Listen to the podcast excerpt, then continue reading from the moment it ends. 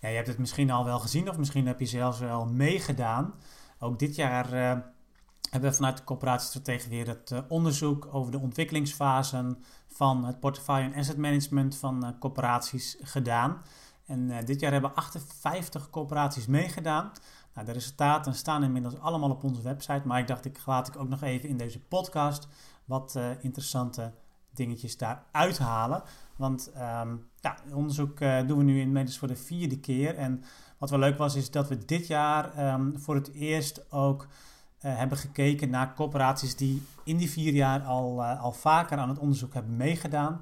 En dan blijkt gelukkig dat er ook inderdaad sprake is van groei tussen het moment dat een corporatie voor de eerste keer deze vragenlijst invult en kijkt in welke ontwikkelingsfase zit je nu als corporatie en het tweede moment. Um, Blijkt overigens ook uit dat het eh, best wel een proces van een lange adem is, uh, die ontwikkeling van portefeuille en asset management. Het is natuurlijk ook complex, raakt aan veel andere onderdelen van je bedrijfsvoering. Um, gaat ook eigenlijk over alle schaalniveaus heen, van strategisch tot, tot tactisch en ook ja, in ieder geval de, um, de verbinding met het operationele stuk. Dus dat is natuurlijk ook wel logisch. En ja, wat, wat we zien is dat eigenlijk de, de sector gemiddeld um, ja, eigenlijk op zich op papier het best wel op orde heeft. Uh, maar nog niet alle corporaties, nog lang niet alle corporaties, hebben het portefeuille asset management echt goed verankerd in hun uh, jaarcyclus. Je ziet dat um, eigenlijk de allergrootste corporaties boven de 10.000 VAE, daarvan heeft de helft dat gedaan. En um, als je uh, dan kijkt naar de, de allerkleinste corporaties met minder dan 2.500 VAE, dan heeft maar 14% eh, echt een, eh, een jaarcyclus ontwikkeld waarin je elk jaar opnieuw naar, eh, naar al je vastgoed kijkt en dat ook aansluit op de begroting. Nou, overigens blijkt wel dat um, ondanks dat, dat grote corporaties wat verder zijn in eigenlijk de randvoorwaardelijke zaken rondom je portefeuille en asset management, dus het opnemen in de jaarcyclus, die processen goed beschrijven, ook software hebben en uh, ook, uh, ook data beschikbaar hebben. Desondanks zijn het eigenlijk de wat kleinere corporaties, de corporatie, met name dan de corporaties tussen de 2.500 en de 5.000 VAE, die eh, eigenlijk het beste scoren op de vraag van heb je nu je opgaven in je werkgebied goed in beeld en heb je daar ook op het strategische en op het tactische niveau uh, beleid op geformuleerd. En uh, nou, daar scoren eigenlijk um, uh, ja, daar scoren die corporaties tussen de 2.500 en de 5.000 VAE het beste op. Overigens moet ik er wel bij zeggen dat zowel in het uh, inbedden van portefeuille en asset management in de jaarcyclus als in het inhoudelijk goed in beeld hebben van je opgave en goed beleid formuleren, is er in alle grote klassen nog heel veel ruimte ook voor verdere verbetering. Um, we weten eigenlijk ook steeds beter dat we weinig weten. dat zien we ook als we doorkijken naar, um, naar de verschillende inhoudelijke, of ja, de verschillende onderdelen van portefeuille en asset management. Op de inhoud scoren corporaties sinds 2017 eigenlijk steeds een stapje slechter. Terwijl uh, op bijvoorbeeld een onderdeel als data, hè, heb je data en, en kun je die ook goed gebruiken, is dat relevante data. Daar scoren corporaties steeds beter. Um, en uh, nou ja, mijn conclusie daarin is toch wel, of in ieder geval mijn, mijn hypothese, mijn verwachting is dat uh, dat dat toch wel komt dat uh, ja, we hebben steeds betere data.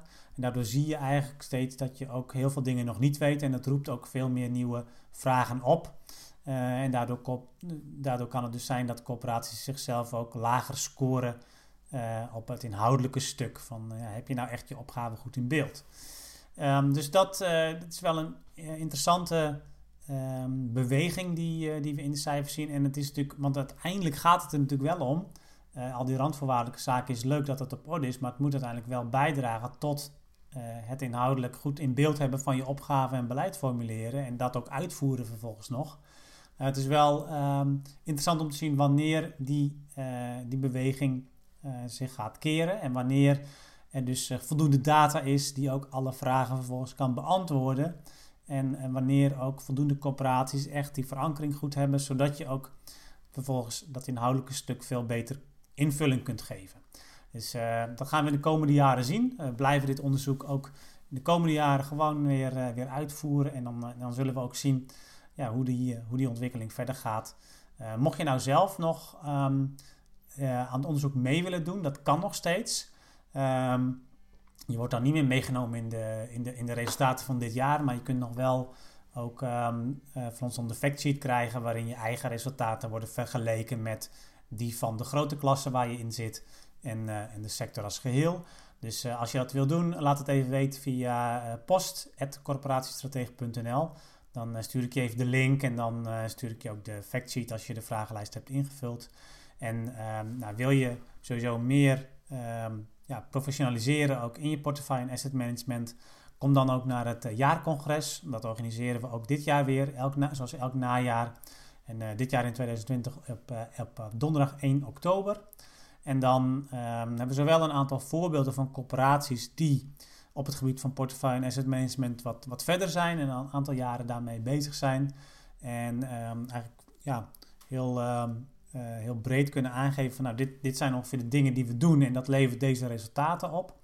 Uh, en daarnaast hebben we een aantal sprekers die op een aantal onderwerpen echt de diepte ingaan.